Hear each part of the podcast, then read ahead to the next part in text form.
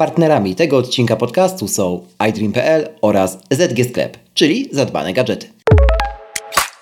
Tu Krzysztof Kołacz, a Ty słuchasz właśnie podcastu. Bo czemu nie? Usłyszysz w nim o technologiach, które nas otaczają i nas w tych technologiach zanurzonych. Sprawdzam, pytam i podpowiadam, jak korzystać z nich tak, aby to one służyły nam, a nie my im.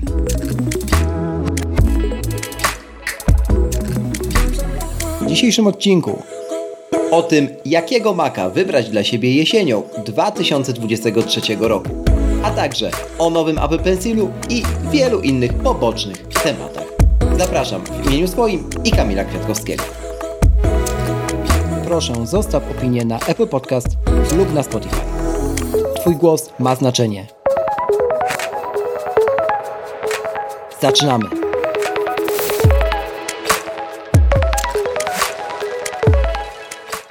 Niby jesień, moi drodzy, a mimo wszystko sporo dzieje się i wiem, że wielu z Was już teraz przygotowuje się do planowania e, swoich zakupów na listopadowe okazje.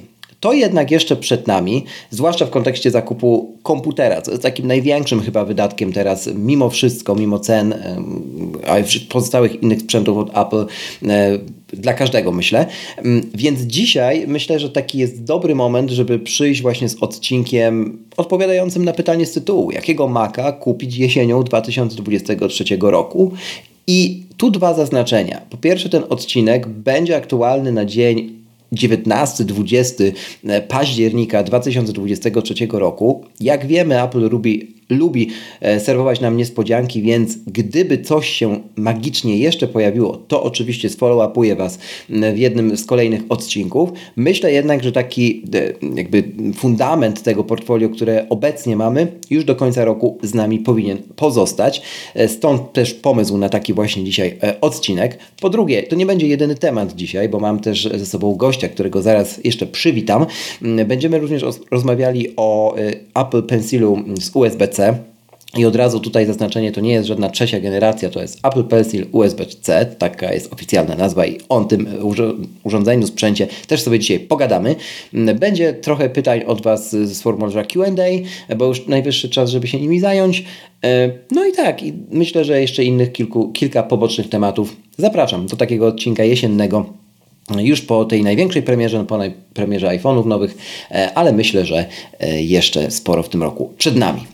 Kamilu Kwiatkowski, witam Cię bardzo serdecznie kolejny raz. W Bo czemu nie? Apple lubi coś magicznie wprowadzić. Myślę, właśnie tak myślałem, że nawiązujesz do naszego nowego Apple C. Pencila, który jest magiczny. Cześć Krzysiek, witam wszystkich słuchających. Dawno Cię nie było, więc fajno, że się, się nadarzyła okazja, aby, aby pogadać. To może tak, e, chronologię sobie ułożmy tego odcinka, żeby też, e, żebyście też wy, drodzy słuchacze, mieli, mieli jasność. Na początek weźmiemy na tapet rzeczywiście nowy Apple Pencil, e, potem ceny, bo ceny pospadały i to jest bardzo dobra wiadomość. I szczerze, jakby mi ktoś powiedział jeszcze w lecie, że mhm.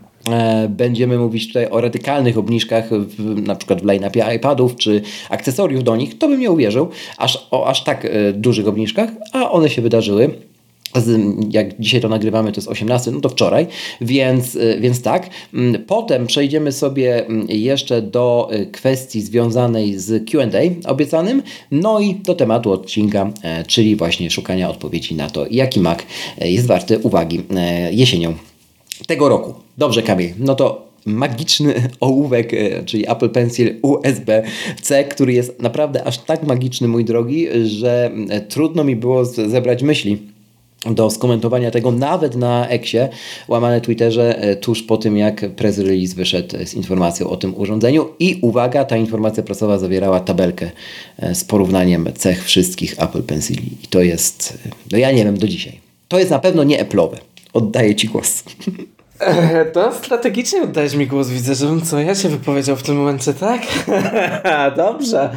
Mm, kurczę. Zaczniemy miękko, ja potem wejdę cały na biało.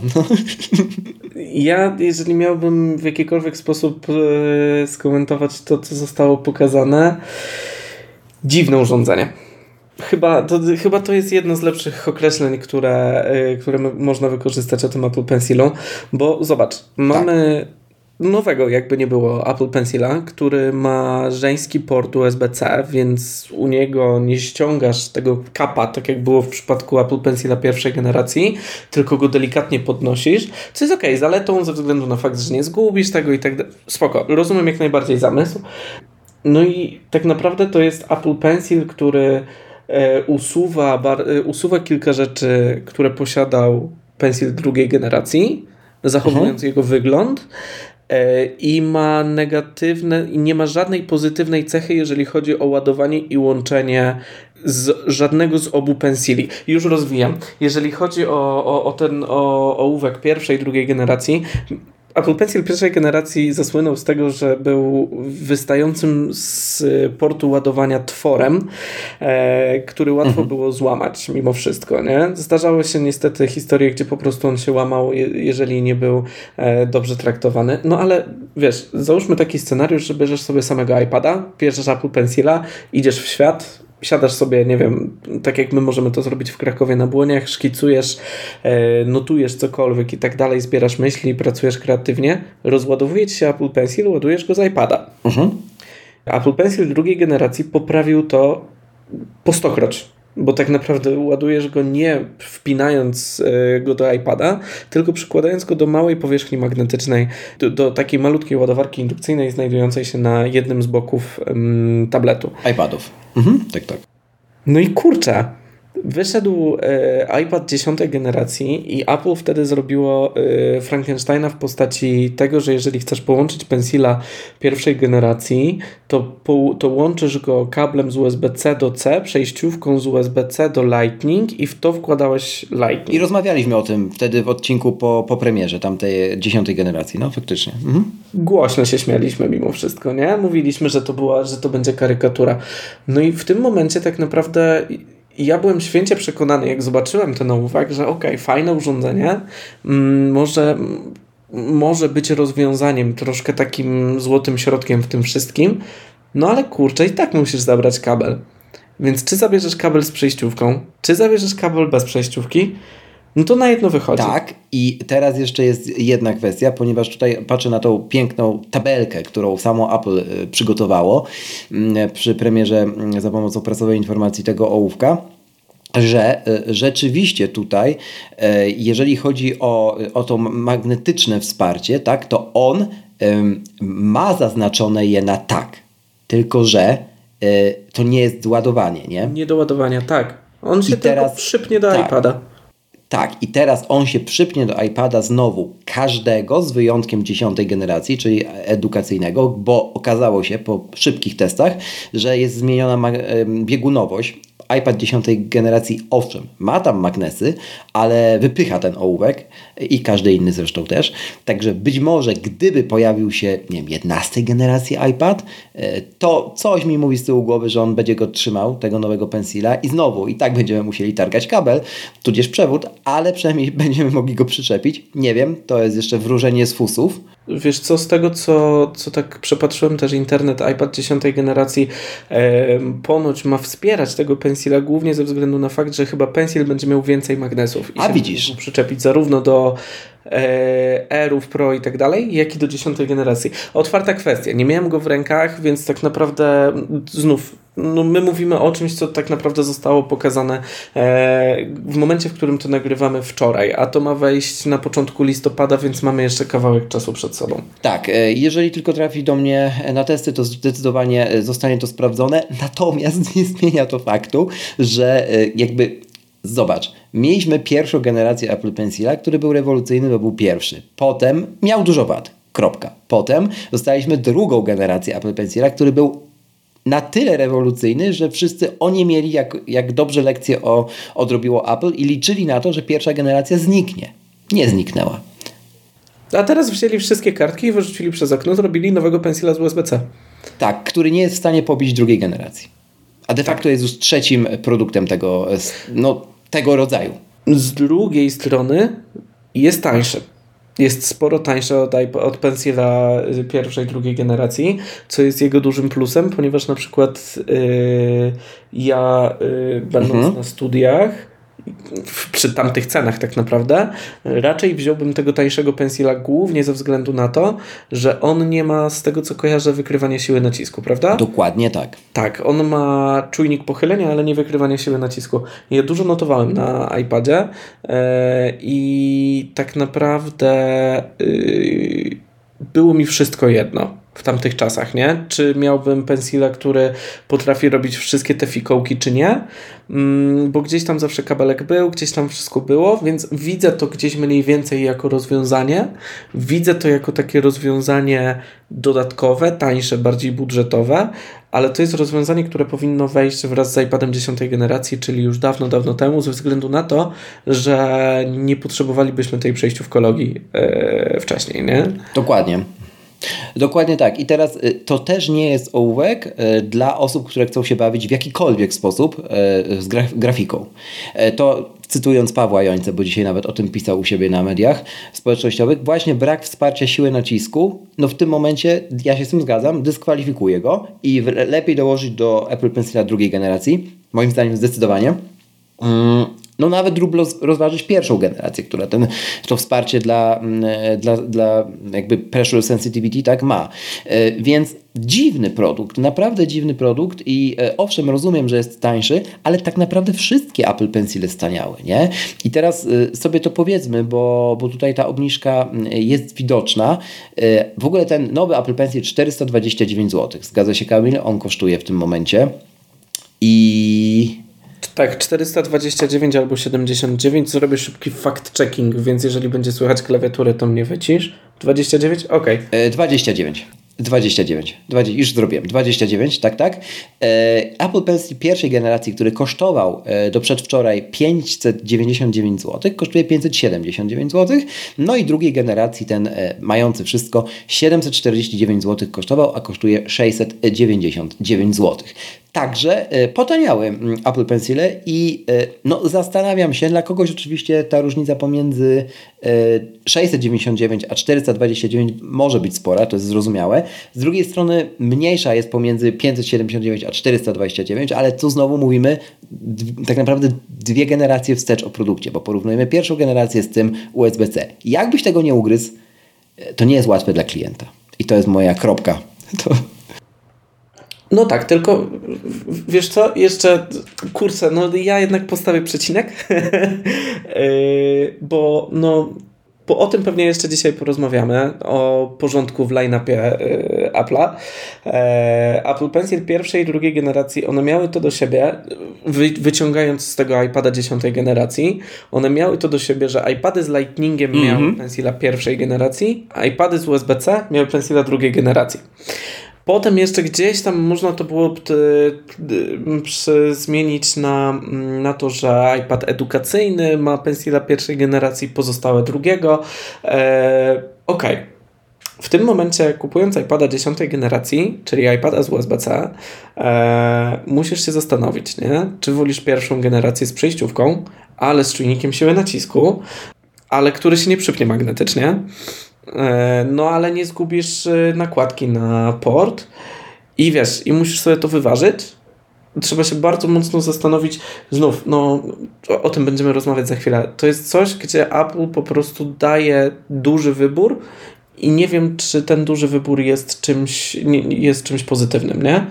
To ja od razu e, odeślę e, na jutrzejszy dzień, jak słuchacie tego w piątek. W sobotę wychodzi kolejne wydanie newslettera, do którego możecie zapisać się pod adresem boczemonie.pl łamane na newsletter, e, w którym poruszę temat bałaganu w obecnym portfolio Apple, a właściwie w portfolio Apple od czasu premiery Apple Watcha, czyli od czasu też, kiedy Tim Cook przejął prezesurę w tej firmie, zahaczając rzecz jasna o czasy Jobsa i rok 97, wielkie czyszczenie line-upu, bo to nie jest tak też, jak się może wielu z Was wydawać, że to się da powtórzyć. Dlaczego? O tym będzie jutro w newsletterze szeroko bardzo.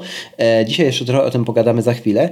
Mm, natomiast też część z Was może być zainteresowana e, takim tematem, czy są zamienniki w ogóle do Apple Pencila. No bo do etui są, tak, do różnych rzeczy są. Klawiatury nawet do iPada mają zamienniki.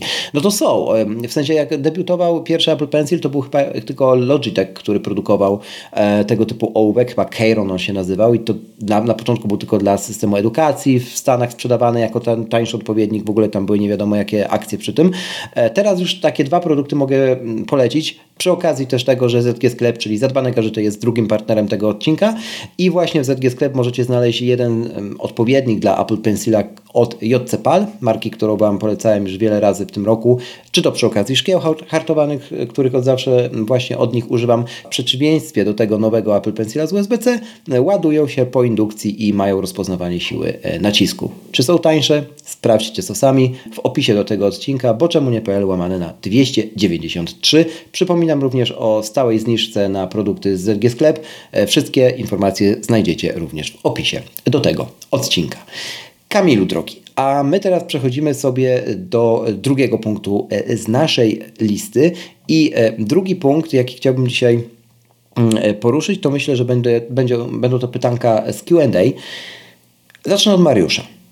Mariusz pyta tak. Witaj. Słyszałem, że macOS wspiera natywnie wirtualizację. Czy to oznacza, że obecnie istnieje sposób, aby postawić system Windows na MacBooku, czy jednak nadal potrzebujemy rozwiązań typu Parallels? E, Mariuszu, jeszcze sprawdziłem przed udzieleniem Ci tej odpowiedzi i odpowiedź brzmi tak, jest ona twierdząca. Można to zrobić prawie natywnie. Dlaczego prawie? Odsyłam Cię do obszernego artykułu pomocy Microsoft który znajdziesz w opisie do tego odcinka. E, I tam jest wszystko w języku polskim wytłumaczone, jakie są teraz możliwości. Myślę, że cytowanie tego tutaj czy czytanie nie ma najmniejszego sensu.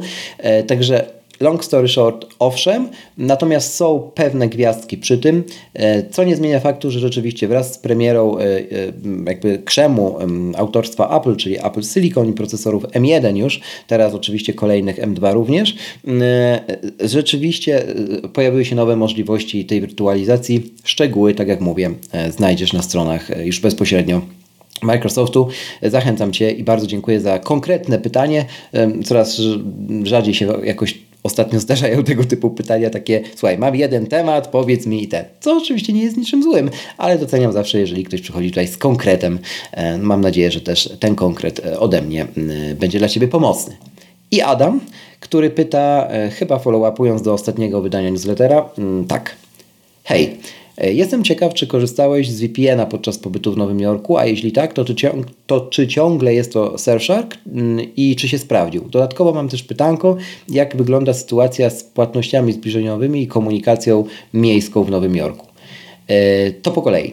Adam, tak, Dalej jest to Surfshark, nie dlatego, że mamy partnerstwo, bo na przykład przy tym odcinku go nie mamy, e, to tak oczy, oczywiście od razu zaznaczając. E, natomiast jest jak najbardziej to Surfshark ze względu na to, że po prostu raz ich sprawdziłem i ja jestem taką osobą, która e, ma, mało ma progu akceptacji dla zmian usług na których research poświęci dużo czasu, potem je znajdzie, one się sprawdzą i, i mi się już nie chce robić kolejnego, nie? Także nie wiem, pewnie może się znajdzie ktoś szybszy, lepszy, odpowiedniejszy pod paroma względami dla kogoś. Dla mnie, no jakby mówię, to się sprawdziło, działa już w wielu, na wielu kontynentach to sprawdzałem i, i w wielu krajach i teraz też tak było. E, nie miałem żadnych problemów. I druga część pytania, jak wygląda sytuacja z płatnościami zbliżeniowymi i komunikacją? Więc tak, ogólnie odsyłam Ciebie do odcinka z Marcelem Ślusarczykiem. Jak sobie wpiszesz też e, Marczyk, Marcel Ślusarczyk, bo czemu nie, to Ci wyskoczy.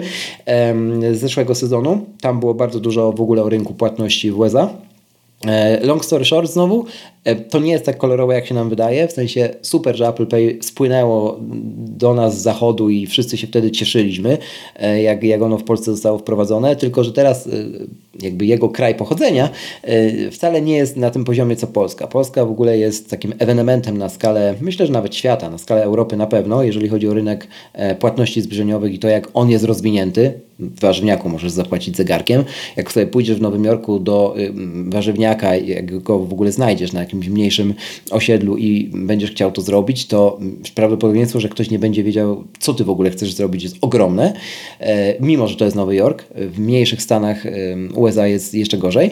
E, natomiast jeżeli chodzi o komunikację miejską, to również. Owszem, są karty, które możesz doładować, mm, e, ale nie jest to nawet na poziomie Londynu, gdzie jakby mm, wszystko jest contactless, tak? I możesz sobie też ten travel card ustawić czy w Apple Watchu, czy w iOSie i przechodząc przez bramki na londyńskie metro od razu jest jakby obciążana Twoja karta. W Stanach się tak nie da zrobić, nikt o tym nawet nie słyszał. Owszem, można na wybranych stacjach metra, tych, które na przykład wiozą nas do lotniska albo z lotniska, zapłacić zbliżeniowo przy bramce po prostu przechodząc na stacji.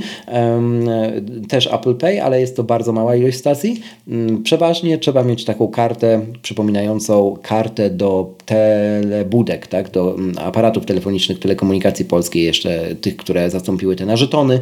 Mm, były takie plastikowe karty, je się nawet zbierało, jak byłem w podstawówce, no to tam nadal one działają i można je doładowywać w maszynach na stacjach metra, przy czym te maszyny bardzo często nie przyjmują w ogóle e, płatności zbliżeniowej, przyjmują płatność kartą debetową, owszem, bez problemu, na przykład Revolutem, ale są problemy znowu z autentykacją takiej płatności e, i sprowadza się to do tego, że jeżeli chcesz wiedzieć, że zapłacisz i kupi, że będziesz w stanie zapłacić za bilet i go kupić, to idziesz na stację metra zawsze z cashem, zawsze z gotówką e, w dolarach mm, i to najlepiej, żeby te banknoty nie były jakoś bardzo stare i pogniecione.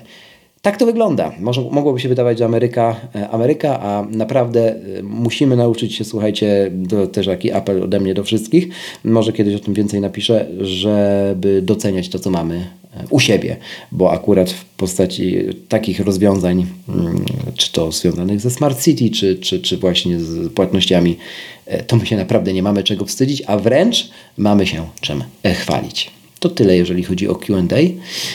Szybko nam to poszło. Kamil jest tam po drugiej stronie, mam nadzieję, jeszcze nie zasnął. No tak, zrzemnąłem się na chwilkę. no, także tak to wyglądało.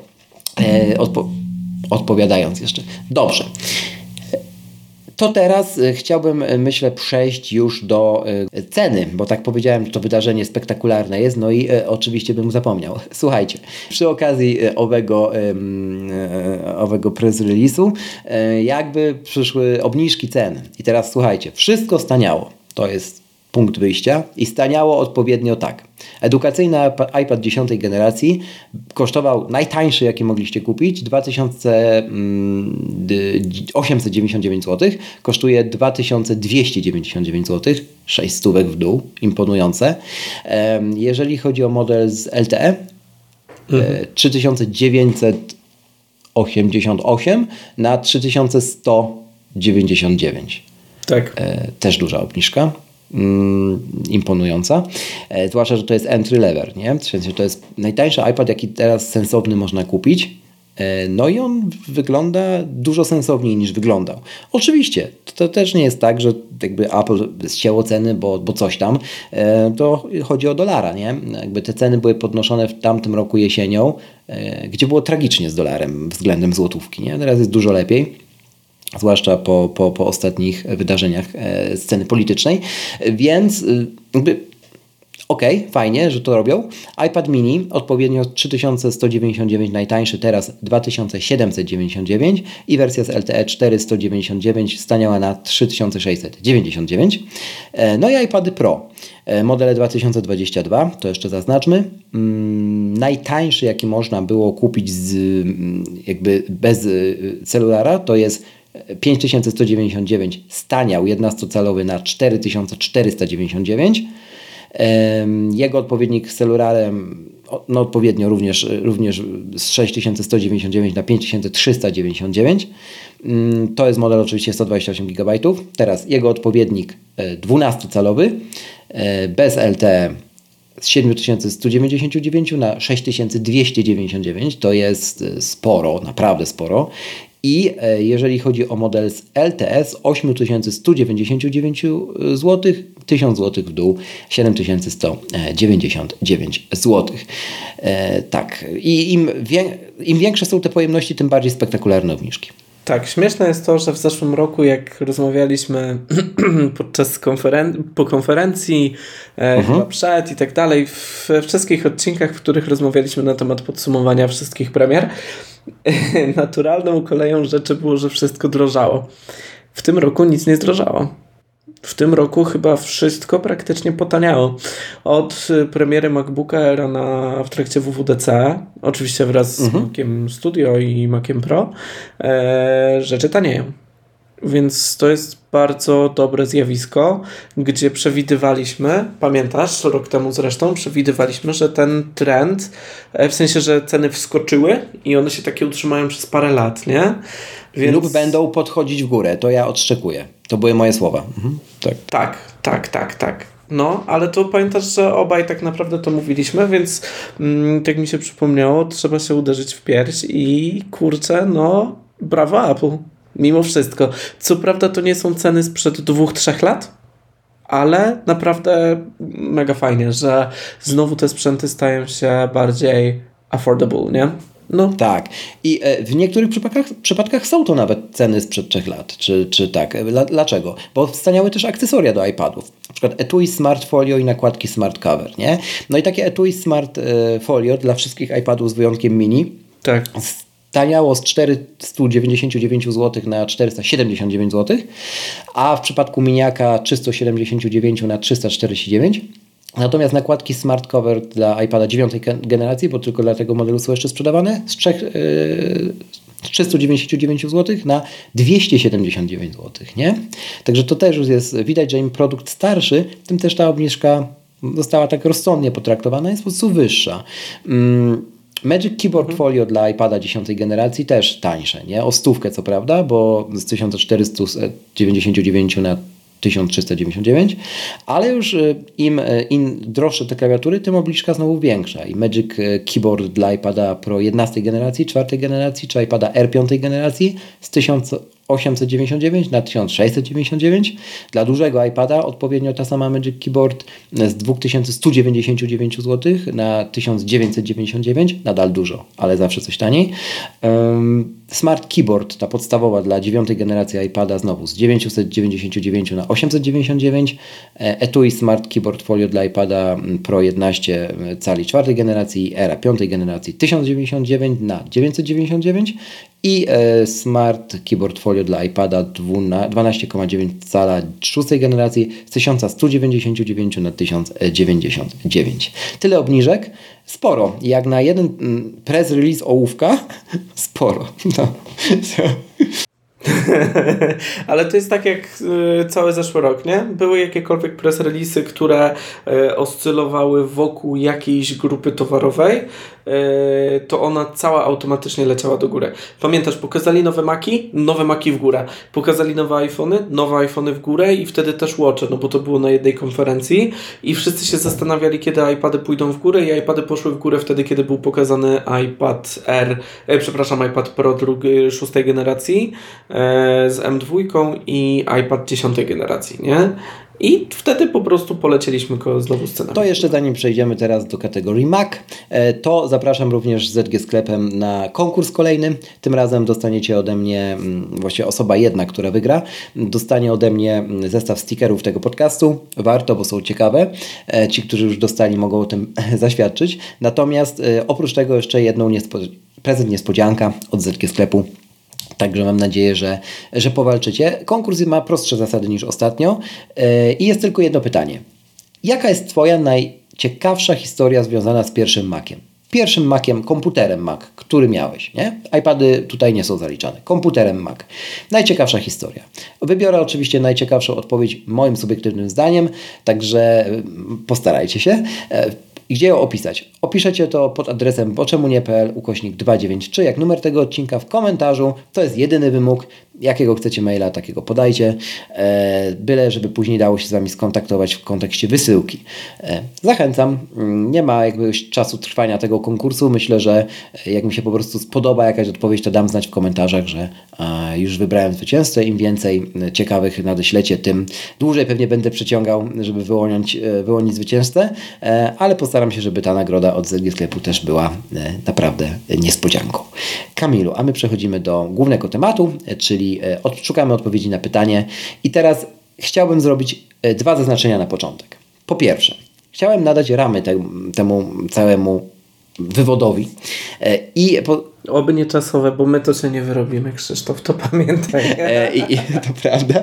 I, i, I jakby pierwsze zaznaczenie jest takie. Zarówno maszyny z M1, jak i M2 bierzemy pod uwagę, ale nie bierzemy pod uwagę MacBooka Pro 13 cali z touchbarem. Dlaczego? Dlatego, że nie pozwala mi na to uczciwość i dla mnie ten produkt jest po prostu produktem legacy i ja bym e, już e, nie, nie doradził go nikomu. Nie dlatego, że nie lubię touchbara, ale dlatego, że to jest po prostu konstrukcja, którą za tuż, tuż pewnie pożegnamy, więc, więc po prostu robię to z czystej ludzkiej e, uczciwości. E, może nie powinienem, ale tak robię. E, bardziej anegdota. No, tak naprawdę, jeżeli chodzi o MacBooka Pro 13, to jest wnętrze troszeczkę lepsze niż waża. M2 mm, e, ze względu na te dwa rdzenie e, graficzne więcej. Tak? Graficzne? Graficzne, tak, nie obliczeniowe. E, aktywne chłodzenie Mm, więc no, tak naprawdę, jeżeli ktoś by się uparł, no to może, może wykorzystać te, te dwie rzeczy, ale Kiedyś przyszedł y, do mnie klient jeszcze, y, zanim przyszedł mhm. na to stanowisko, gdzie jestem teraz, byłem w salonie y, stacjonarnie cały czas. Przyszedł do mnie klient, który powiedział mi, że chce kupić MacBooka Pro 13-calowego, wtedy jeszcze z M1 e, i uwaga, dobrze, że siedzisz, e, chciał go z 512 dyskiem i 16 GB RAMu. E, teraz jak rozmawiamy, to ja sobie na szybko włączyłem porównanie na stronie Apple'a. Na stronie Apple'a e, taki komputer kosztuje 9899 zł. 14-calowy MacBook Pro w dokładnie tej samej konfiguracji RAM dysk kosztuje 11 999, mhm. a zyskujesz tonę rzeczy. Za niecałe 2000, za 2000 zł. No. Już i zyskujesz ekran, który jest więcej wart niż 2000 zł. No. Tak, tak. Zyskujesz ekran, porty, e, samo M2 Pro, nie? To, to też jest taka kwestia. Nowy design, wszystko. Za 2100 zł. Nie niecałe, tylko troszkę ponad, ale no, no bądźmy szczerzy. Pamiętam, że nie musiałem długo pana przekonywać. Wystarczyło, że pokazałem mu komputer do komputera, nie? E, I, i, i, tak naprawdę. No właśnie. Właśnie dlatego. Słuchajcie. E, I teraz tak. Na, nakładamy na ten odcinek dwie kategorie. Wydaje mi się, że one są takie najsensowniejsze na, ze względu na realia polskiego rynku, ale myślę, że jakby wziąć parasol, parasol światowo, również byłoby to ok. Pierwsza kategoria to są klienci wrażliwi na budżet, czyli każda złotówka się liczy. I druga kategoria klienci z elastycznym budżetem, którzy szukają właściwej do ich zastosowań maszyny. I to jest szalenie ważne. Te dwie kategorie dzisiaj bierzemy pod uwagę. Specjalnie nie wchodziłem tutaj głębiej, bo uważam, że im głębiej wchodzimy przy tym line-upie, który dzisiaj jest i tak już duży, e, to jest tylko gorzej, jeżeli chodzi o wybór. E, zresztą są podcasty, które to robią tak głęboko, że i 6 godzin brakuje. E, to nie u mnie. Więc tak najprościej, jak moim zdaniem należy to podzielić, tak też to czynimy w tym odcinku. To jest line-up tak uporządkowany, jak uporządkowany jest line-up Apple Pencil w tym momencie. tak, na to Natomiast słuchajcie, robimy to nie też bez przypadku i nie bez wartości dla Was. Opowiemy Wam również w dalszej części, w jaki sposób, nowy sposób na polskim rynku możecie sfinansować sobie taki zakup e, w iDreamie komputera Mac, e, dość dużo dostając e, tak naprawdę e, w prezencie. O tym za chwilę. Pierwsza kategoria. Wrażliwi na budżet, czyli każda złotówka się liczy. To nie jest absolutnie pejoratywne. Ja też jestem osobą, która raczej w 90% przypadków tak wybiera sprzęt. Przy czym, tu robię małą gwiazdkę, mam też swoją definicję amortyzacji i zapewne jest ona inna niż kogokolwiek innego, więc, więc jasne, ja wiem, że tak w 100% do tej kategorii kategorii mogę się nie zaliczać, ale jednak jest to przeważająca kategoria, co pewnie Kamil potwierdzasz na, na polskim rynku. No i teraz tak, no przychodzi klient i mówi, że chce Maca, mhm. wie, że są drogie, ale wierzy, na to, że, wierzy w to, że jakby da się kupić jakoś rozsądnie. No i da się. Da się, bo w tym momencie tak naprawdę bierzemy pod uwagę, mm, według mnie, trzy maszyny, a rozsądnie dwie maszyny. Pierwsza maszyna Dla tej, tej grupy odbiorców to jest Mac Mini z procesorem M2. Najtańszy Mac, jakiego możecie teraz mieć. Mac, który daje przepotężne możliwości, jeżeli chodzi o pierwszego Maca w ogóle w Waszym życiu.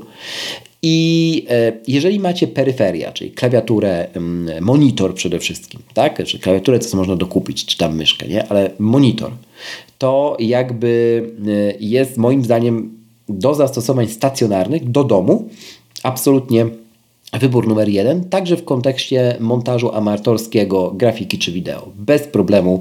E, znam zresztą takie osoby, które na M2 montują mm, nie, nie amatorskie, a już takie półprofesjonalne wideo i dają radę. Także według mnie to jest ten komputer stacjonarny dla tej grupy.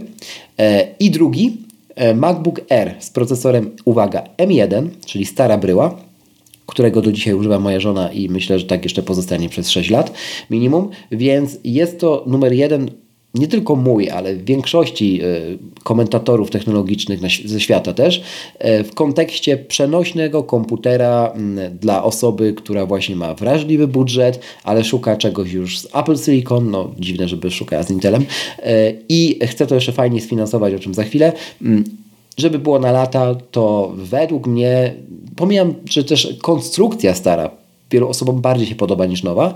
To jest oczywiście subiektywne, ale zaznaczam, bo, bo spotykam się z tym dosyć często. MacBook Air z M1 według mnie nadal sztos. No i jest jeszcze iMac M1, który czeka na odświeżenie i dlatego powiedziałem tak trochę z gwiazdką ten trzeci komputer, no bo to jest fajny komputer all-in-one, kolorowy, śliczny i bardzo jeszcze wiele lat popracuje. Natomiast bardzo dawno nie był odświeżany, nie? więc tu bym się może wstrzymał, natomiast w przypadku dwóch poprzednich absolutnie wstrzymywałbym się nie doradzał. Co myślisz, Kamil, o tym moim wyborze? Wiesz co, yy, tak, uważam, że te tak naprawdę najta najtańsze, że tak powiem, e, wejściowe e, do tej grupy e, produktowej Mac sprzęty, to są te, o których wspomniałeś, czyli ja nawet Aha. chyba w tym momencie, też patrząc po rynku, wyżej bym postawił Era z M1, a niżej Maca Mini, e, ale to za chwilę Ci wytłumaczę czemu. Mm, jednak wszystkie te sprzęty są jak najbardziej e, świetne, żeby rozpocząć pracę e, z ekosystemem, z systemem macOS, do przestawienia się na tak naprawdę zupełnie nowe mm, nowe środowisko. Mm, I tak naprawdę to są też, co trzeba też bardzo mocno zaznaczyć, sprzęty do lekkiej pracy, sprzęty do mhm. biurowego użytku, do szkoły i tym podobne.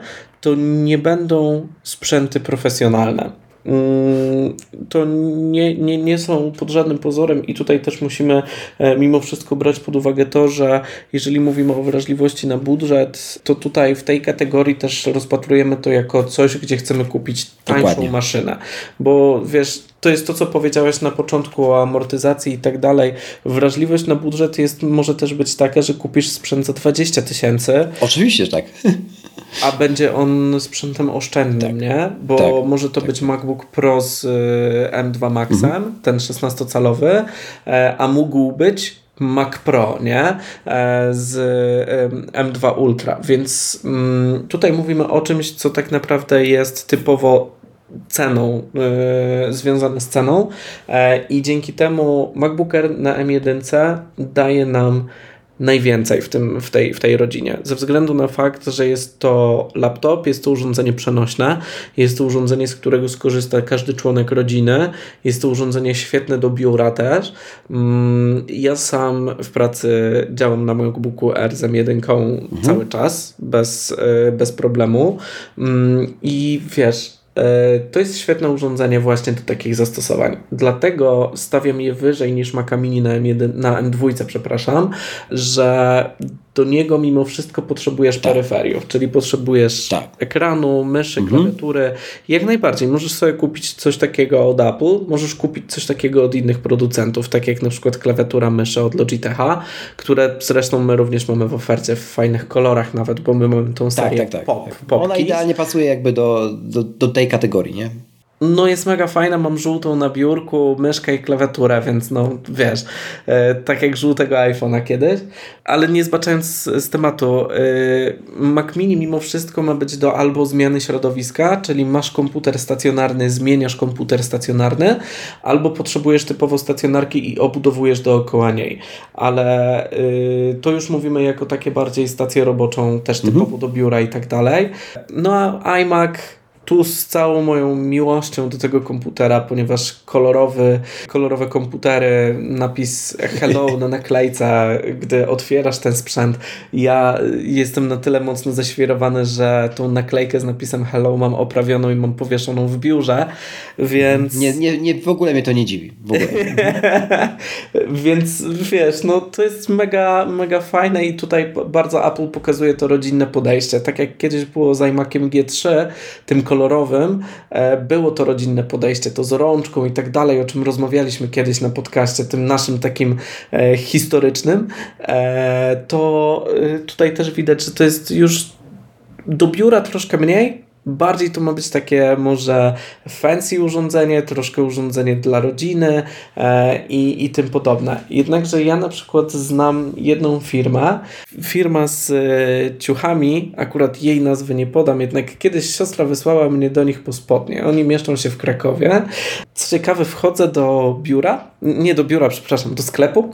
Wchodzę do sklepu, a tam niebiesko niebieskie biurko, niebieski dywan, niebieskie zasłonki, a na tym niebieskim biurku stoi niebieski iMac. Mhm. No i oczywiście moja dusza się ucieszyła, szczęka mi opadła, bo to było tak niesamowite i powiedziałem, ale świetnie dobraliście sobie maka do wnętrza. I pani mi powiedziała wtedy, nie, nie, nie, proszę pana, my dobieramy każdego, każde wnętrze do kolorów maków.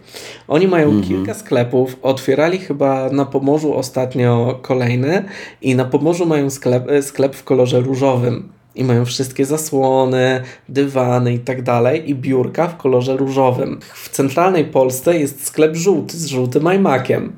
Więc wiesz, to jest takie designerskie urządzenie, jednakże yy, przy tej cenie wejścia Yy, która nie jest wysoka mm. mimo wszystko, yy, bo zaczyna się od troszkę ponad 6 tysięcy złotych. To są sprzęty, które dają bardzo dużo możliwości. Yy, ale w mojej hierarchii mimo wszystko ustawiając, MacBook Air, Mac Mini i iMac.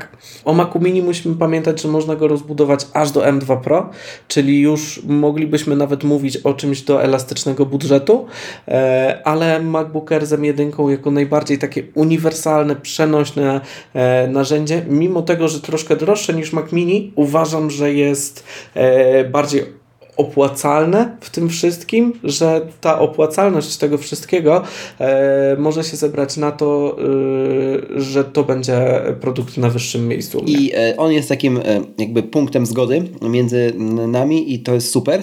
Mówię, mam ten sprzęt w domu i widzę, jak e, widzę tę radość też z użytkownika, dla którego jest to pierwszy Mac w życiu. Także to też musimy brać pod uwagę, że zwłaszcza jeżeli mówimy o osobach, które są switcherami, e, no to one jakby mają mhm. pierwszego Maca kupować, nie? W sensie dla nich naprawdę to i tak będzie kosmiczne przejście, nie? Więc y, ani stara konstrukcja, ani, ani kamerka, ani e, ekran, nie? To i tak będzie wszystko na takim poziomie amazingu, że to tak powiem kolokwialnie, że naprawdę to, to co ty mówisz, tak. nie? To, co dostajemy za cenę mm, e, i na ile lat my to dostajemy, tak? Przecież mamy i Secure Enclave, bo, no, bo to już jest Apple Silicon, mamy e, Touch ID, tak? No właściwie wszystko, co jest potrzebne i e, do tego ładne kolory, których już dla wielu osób nie ma e, w tej nowej linii. E, no i to jakby wiecie, wszystko, no nie, nie ma MagSafe'a, ok, no dobra, to jest jakiś tam argument, ale znowu coś za coś. Jeżeli miałbyś kupić monitor do Maca Mini, tak jak Kamil powiedział, no to też ta cena radykalnie wzrośnie, że nic nie wzrasta. Nawet jak go rozbudujesz do 16 GB RAM i, i, i dysk, to on i tak no, nie zdrożeje tak, żeby właśnie wpaść do elastycznego budżetu, do tej drugiej kategorii, do której przechodzimy. I to jest super w tym komputerze. No. Tak. I jeszcze, jeżeli ktoś by nam chciał zaraz zarzucić, że mogliśmy do tego worka wrzucić MacBooka Pro, właśnie tego 13-calowego, uważam, że nie. Ze względu na fakt, że cena tego MacBooka Pro jest już na tyle wysoka, że szli, yy, szlibyśmy w elastyczny budżet, a jak już myślimy o elastycznym budżecie, no to albo R na M2, albo MacBook Pro 14-calowy. O czym teraz? To, to do tego zaraz przejdziemy. Tak jest, natomiast jeszcze jedna, jeden argument za nie wkładaniem tutaj właśnie touchbara, touchbar. Touchbar, tak. Oprócz tego, że to jest jakby, tak jak powiedziałeś, już cena podbijająca do drugiej kategorii, o której teraz przechodzimy, to jeszcze konstrukcja jest jednak konstrukcją legacy e, i wkrótce wyjdzie z rynku. A jakby osoby z elastycznym budżetem szukające właściwej maszyny dla siebie, do swoich zastosowań, mierzą raczej długofalowo niż krótkofalowo. No i tutaj nie ma już miejsca w takim razie na tego typu e, e, kompromisy. Kamilu, tak, elastyczny budżet. Mm, elastyczny budżet to ja jestem pewnie takim bardziej reprezentantem tej kategorii, jednak mimo wszystko yy, i myślę, że osoby, które zajmują się czymkolwiek twórczym, są kreatorami czegokolwiek również, yy, no ale niekoniecznie, bo mogą pisać i wtedy MacBook z M1R jest kapitalny dla nich również, mhm. yy, więc, więc to zależy znowu i to właśnie to zależy, trzeba mieć z tyłu głowy mówiąc o tej kategorii, e, ale jednak jest kilka punktów, które w tej kategorii maszyn, które wybijają się tak bardzo e, na, naprzód. I ja zawsze w tych rozmowach stawiam takie zestawy. Pierwsze miejsce e, MacBook Air M2 nad MacBookiem Pro pod kilkoma warunkami. Po pierwsze, nie jesteś deweloperem, programistą lub zawodowym fotografem lub zawodowym montażystą wideo czyli nie potrzebujesz większej ilości portów, większej mocy czytnika kart i ekranu. Mm, bez dwóch zdań wtedy MacBook Air M2 z jednego prostego powodu jest lekki. I to jest na tyle lekki względem MacBooka Pro, który jest drugim wyborem 14-calowego, którego ja mam, a teraz już bym go nie kupił, bo kupowałem go kiedy nie było era M2 e, i teraz bym już drugi raz go nie kupił z jednego powodu. Ja go mam podpiętego do Studio Display. W większości pracy, mojego czasu pracy patrzę na Studio Display, które nie ma 100 Hz, więc ja tego ekranu MacBooka Pro praktycznie nie widzę, a jak go już mam gdzieś sobą, ze sobą zabrać, e, to zawsze wygrywa iPad z jednego prostego powodu, że ten MacBook jest po prostu absurdalnie ciężki. E, czego nie można powiedzieć o erze w nowej konstrukcji z M2. Dlatego wyżej stoi u mnie w hierarchii. E, I druga sprawa to jest komputer stacjonarny, to jest Mac Studio. Tak jak Kamil już e, tutaj przed chwileczką wspomniał, czy to ze Studio Display, czy innym monitorem Apple, czy z innym w ogóle tańszym monitorem third party, nieważne. Mac Studio, jeżeli zajmujecie się czymś e, stacjonarnie, bardziej wymagającym, jak właśnie montaż krótkich, półprofesjonalnych i profesjonalnych wideo, obróbka fotografii, można to jeszcze gdzieś tam próbować pogodzić z, właśnie z Maciem Mini wspomnianym w wyższej konfiguracji, ale myślę, że długofalowo, co jest dla mnie szalenie prywatnie ważne, warto byłoby jednak, posta jednak postawić na Maca Studio, ze względu na to, że ta jego konstrukcja daje dużo więcej e, portów, czytnik kart, etc. jest lepiej przemyślana w ogóle, ma lepsze chłodzenie, Um, i, I tutaj już w zależności każdy musi wybrać ile RAMu i jaki dysk, niż iść w Maca Mini w tym, w tym segmencie elastycznego budżetu, szukając maszyny takiej szytej na miarę e, do nas, no i też maszyny, która zakładam, ma na siebie zarobić, bo służy nam jak, w jakiejś części, jak nie w większej części, e, do pracy. Tak, jeżeli mm, chodzi o to, gdzie ja bym zaczął hierarchię elastycznego budżetu, to tutaj się z mhm. Tobą w 100% zgodzę. Mimo wszystko MacBook Air na M2 13-calowy e, aż tak, pod, pod aż tak wieloma względami nie różni się od MacBooka Air na M1. Jest e, zacznijmy od tego, że jest od niego droższy, oczywiście, e, ale ma nowszy procesor, który pewnie będzie rok, dwa, trzy, pięć, dziesięć, ile sobie Apple umyśli dłużej wspierany. Mm, dzięki temu, że ma nową konstrukcję, ma MagSafe'a, ma cieńsze ramki, e, sam jest troszeczkę większy, gdzie no wiesz, widzę y, scenariusz, gdzie e, te 0,3 cala w, y, w przekątnej by mi się przydało. Mm, I tak naprawdę RNM2 jest rewelacyjnym rozwiązaniem dla kurczę 85% Dokładnie tak. społeczeństwa. Mhm. Po, poza RMM1, nie? E, mówiąc o samej rodzinie MacBooków Air. 85-90% społeczeństwa będzie używało dokładnie tego komputera i będzie on tak naprawdę idealny. Ewentualnie co można tam zrobić, to wrzucić 16 GB RAMu, bo to już wystarczy mhm. naprawdę mhm. wtedy z e, delikatną nawiązką. I tyle. A w ogóle zapomniałem, że on jest z 8 GB sprzedawany. Co właśnie napisałem notatce trochę odwrotnie. To w ogóle jest skandal. Natomiast zdecydowanie taka minimalna konfiguracja, tym razem użyję tego stwierdzenia, to jak kupujecie długofalowo w tej kategorii, to 16 GB faktycznie zgadzam się z Kamilem, warto, warto tutaj dołożyć. No jeżeli już naprawdę coś robicie, to te 24 no jest w ogóle super optymalne już, ale 16 spokojnie, spokojnie powinno wystarczyć. Yy, zapędziłeś się trochę z tymi 10 latami, bo ktoś może zapytać, ale dobra panowie, no nie wróżmy tylko tak sensowniej. Yy, no to ja trochę to sprostuję. Myślę, że z tych przedziałów, które Kamil yy, wymienił, mm, to myślę, że M2R względem M1R, które teraz, na tam 20 października są w ofercie, to myślę, że różnica we wsparciu, sensownie patrząc, będzie jakaś na poziomie 3 lat. Patrząc też, jak to wygląda u iPhone'ów. No, nie? To... Miałem mówić 2-3 lata.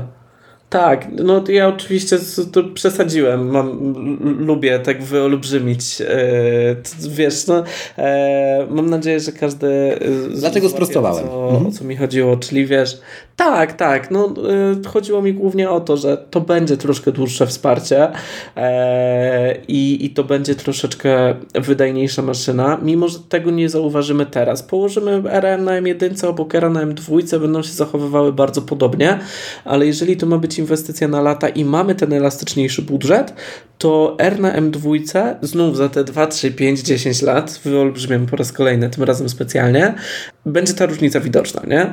E, mimo, że to w tym momencie jest znikoma różnica, ona się będzie powiększać po prostu z, e, z biegiem czasu. Wspomniałeś o 24 GB RAMu, e, możemy też wspomnieć o większym dysku i tak dalej, tylko pamiętajmy też o tym, że jeżeli skalujemy sobie to w ten sposób, czy nie lepiej myśleć znów o tierze tak wyżej, nie? Mhm. Czy nie będzie, czy, czy przy tej elastyczności budżetu nie będziemy już wchodzić troszeczkę e, w Pro, bo jak dołożymy sobie 24 GB RAMu do MacBooka Air na M2, dołożymy do tego 512 lub już nie daj Boże terabajt do tego komputera, to zaraz się okaże, że czy nie lepiej sobie troszeczkę pomodyfikować rozwiązania jakimiś dyskami zewnętrznymi i tym podobne e, i nie myśleć o MacBooku Pro 14-calowym na M2 Pro, bo już wtedy idziemy znowu w wydajność. To... I aktywne chłodzenie między innymi. To, no. Mhm. Mimo wszystko, jeżeli macie takie y, rozważania, Wpadnijcie do nas. Jak najbardziej. Bardzo często, mimo wszystko, to, że my obcujemy z tymi sprzętami na co dzień, e, to, że też staramy się y, bardzo mocno dopasowywać rozwiązania do bardzo wielu scenariuszy, e, może się okazać, że rozwijamy Wasze wątpliwości. Może nie w 100%, ale postaramy się to zrobić tak, żebyście wyszli zadowoleni z kompletnym rozwiązaniem. Bo czasami to jest to, to, to co opowiadałem mhm. Ci o tym kliencie, nie? To był klient, który wymierzył sobie MacBooka Pro 13-calowego za 10 koła. Wyszedł co prawda z komputerem o 2000 zł droższy, ale tak naprawdę ten sprzęt był jakieś 63 razy lepszy. Tak, Znów to prawda. Ale jakby Kamil też powiedział szalenie ważną rzecz, że jakby mm, ja też mówię to za siebie, nie? W takich mediach branżowych mm, przeważnie skupia się na uwagę na, mm, na takim rozdzieleniu pro od nie pro, nie? Które jest toksyczne. Ja też staram się tutaj w podcaście prostować, ale no, mhm. media się rządzą y, swoimi prawami, natomiast bardzo mało rzeczywiście, za mało ciągle i ten odcinek ma to też między innymi zmienić. E, mówi się o tych odcieniach szarości w tak. procesie wyboru maszyny dla siebie. Nie? W sensie to nie jest zawsze tylko pro, nie pro, tylko bardzo często to jest właśnie ważenie. Jeżeli te jeden suwak podniesiemy w górę, na przykład będzie to większy dysk, e, ale zdecydujemy się podnieść ciut e, w górę również RAM, to się okazuje, że wpadamy w inną kategorię produktu. I to wcale nie stawia nas w roli Dokładnie. Hiperprogramistów albo osobom, które, osób, które, którym uderzyła tak zwana woda sodowa do głowy i nagle kupują pro do wysyłania maili, tylko może się okazać, że to jest po prostu bardziej opłacalne w, długo, jakby w długim terminie, tak? w długim horyzoncie czasowym. Tak, dokładnie.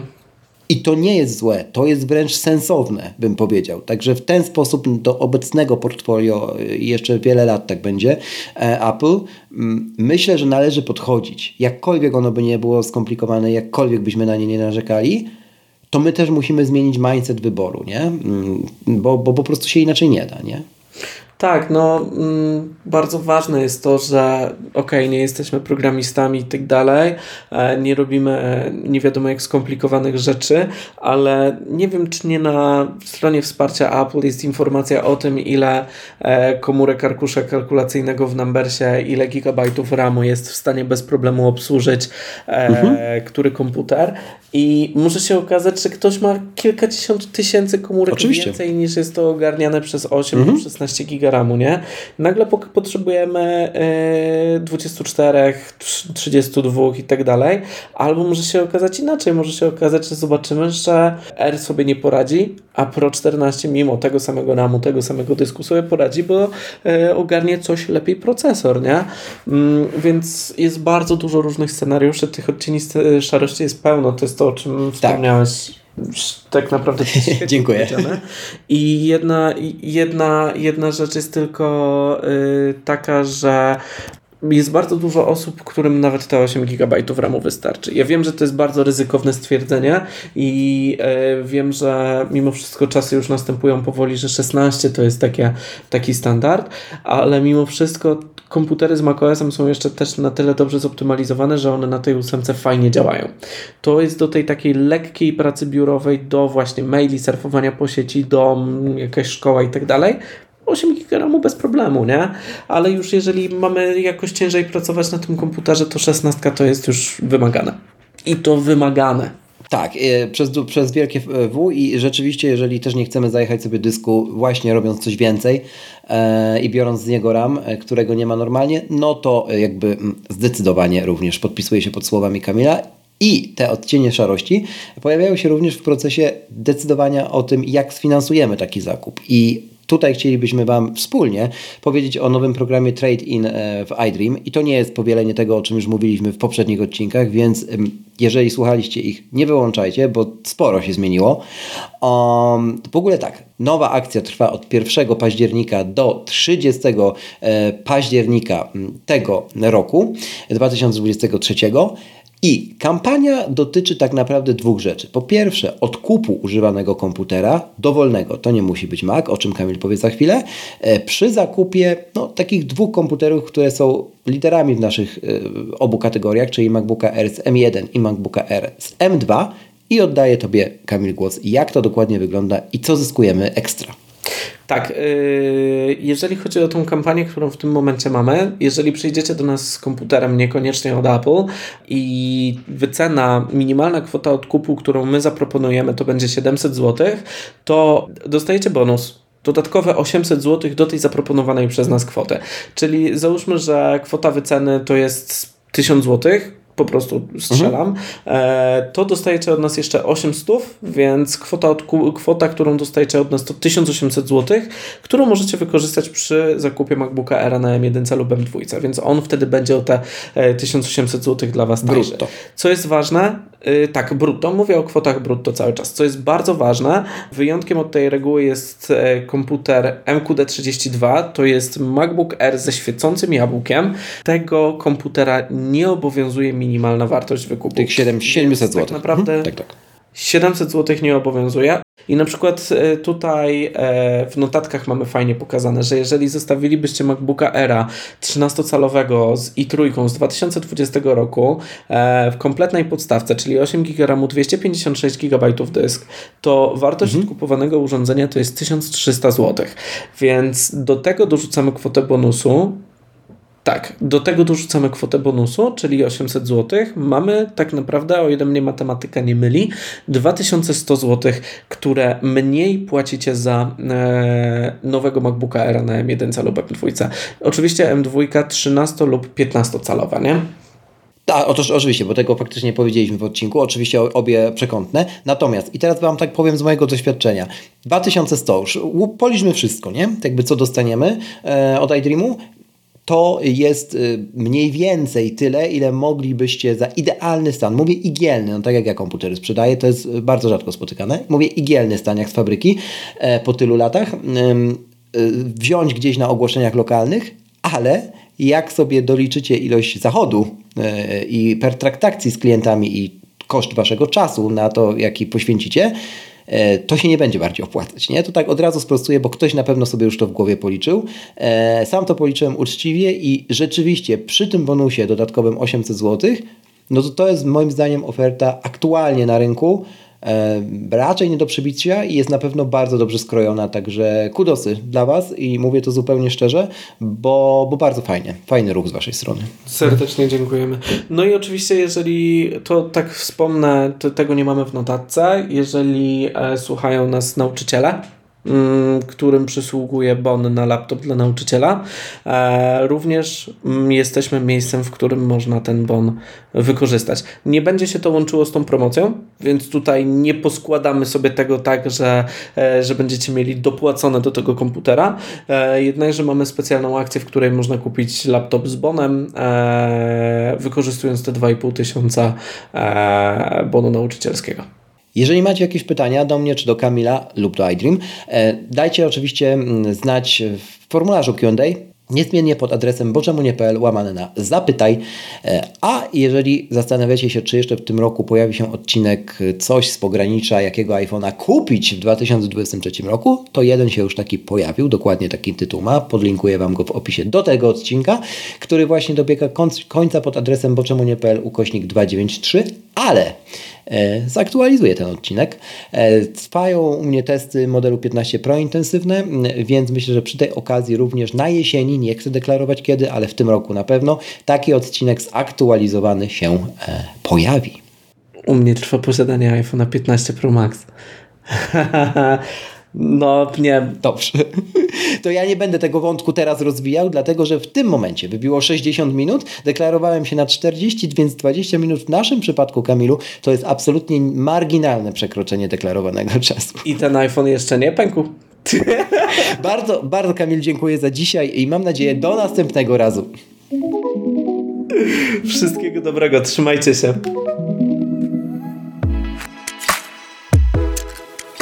Pamiętaj, że wszystkie rabaty, które wynegocjowałem dla Ciebie u partnerów i sponsorów tej audycji znajdziesz pod adresem boczemunie.pl ukośnik rabaty.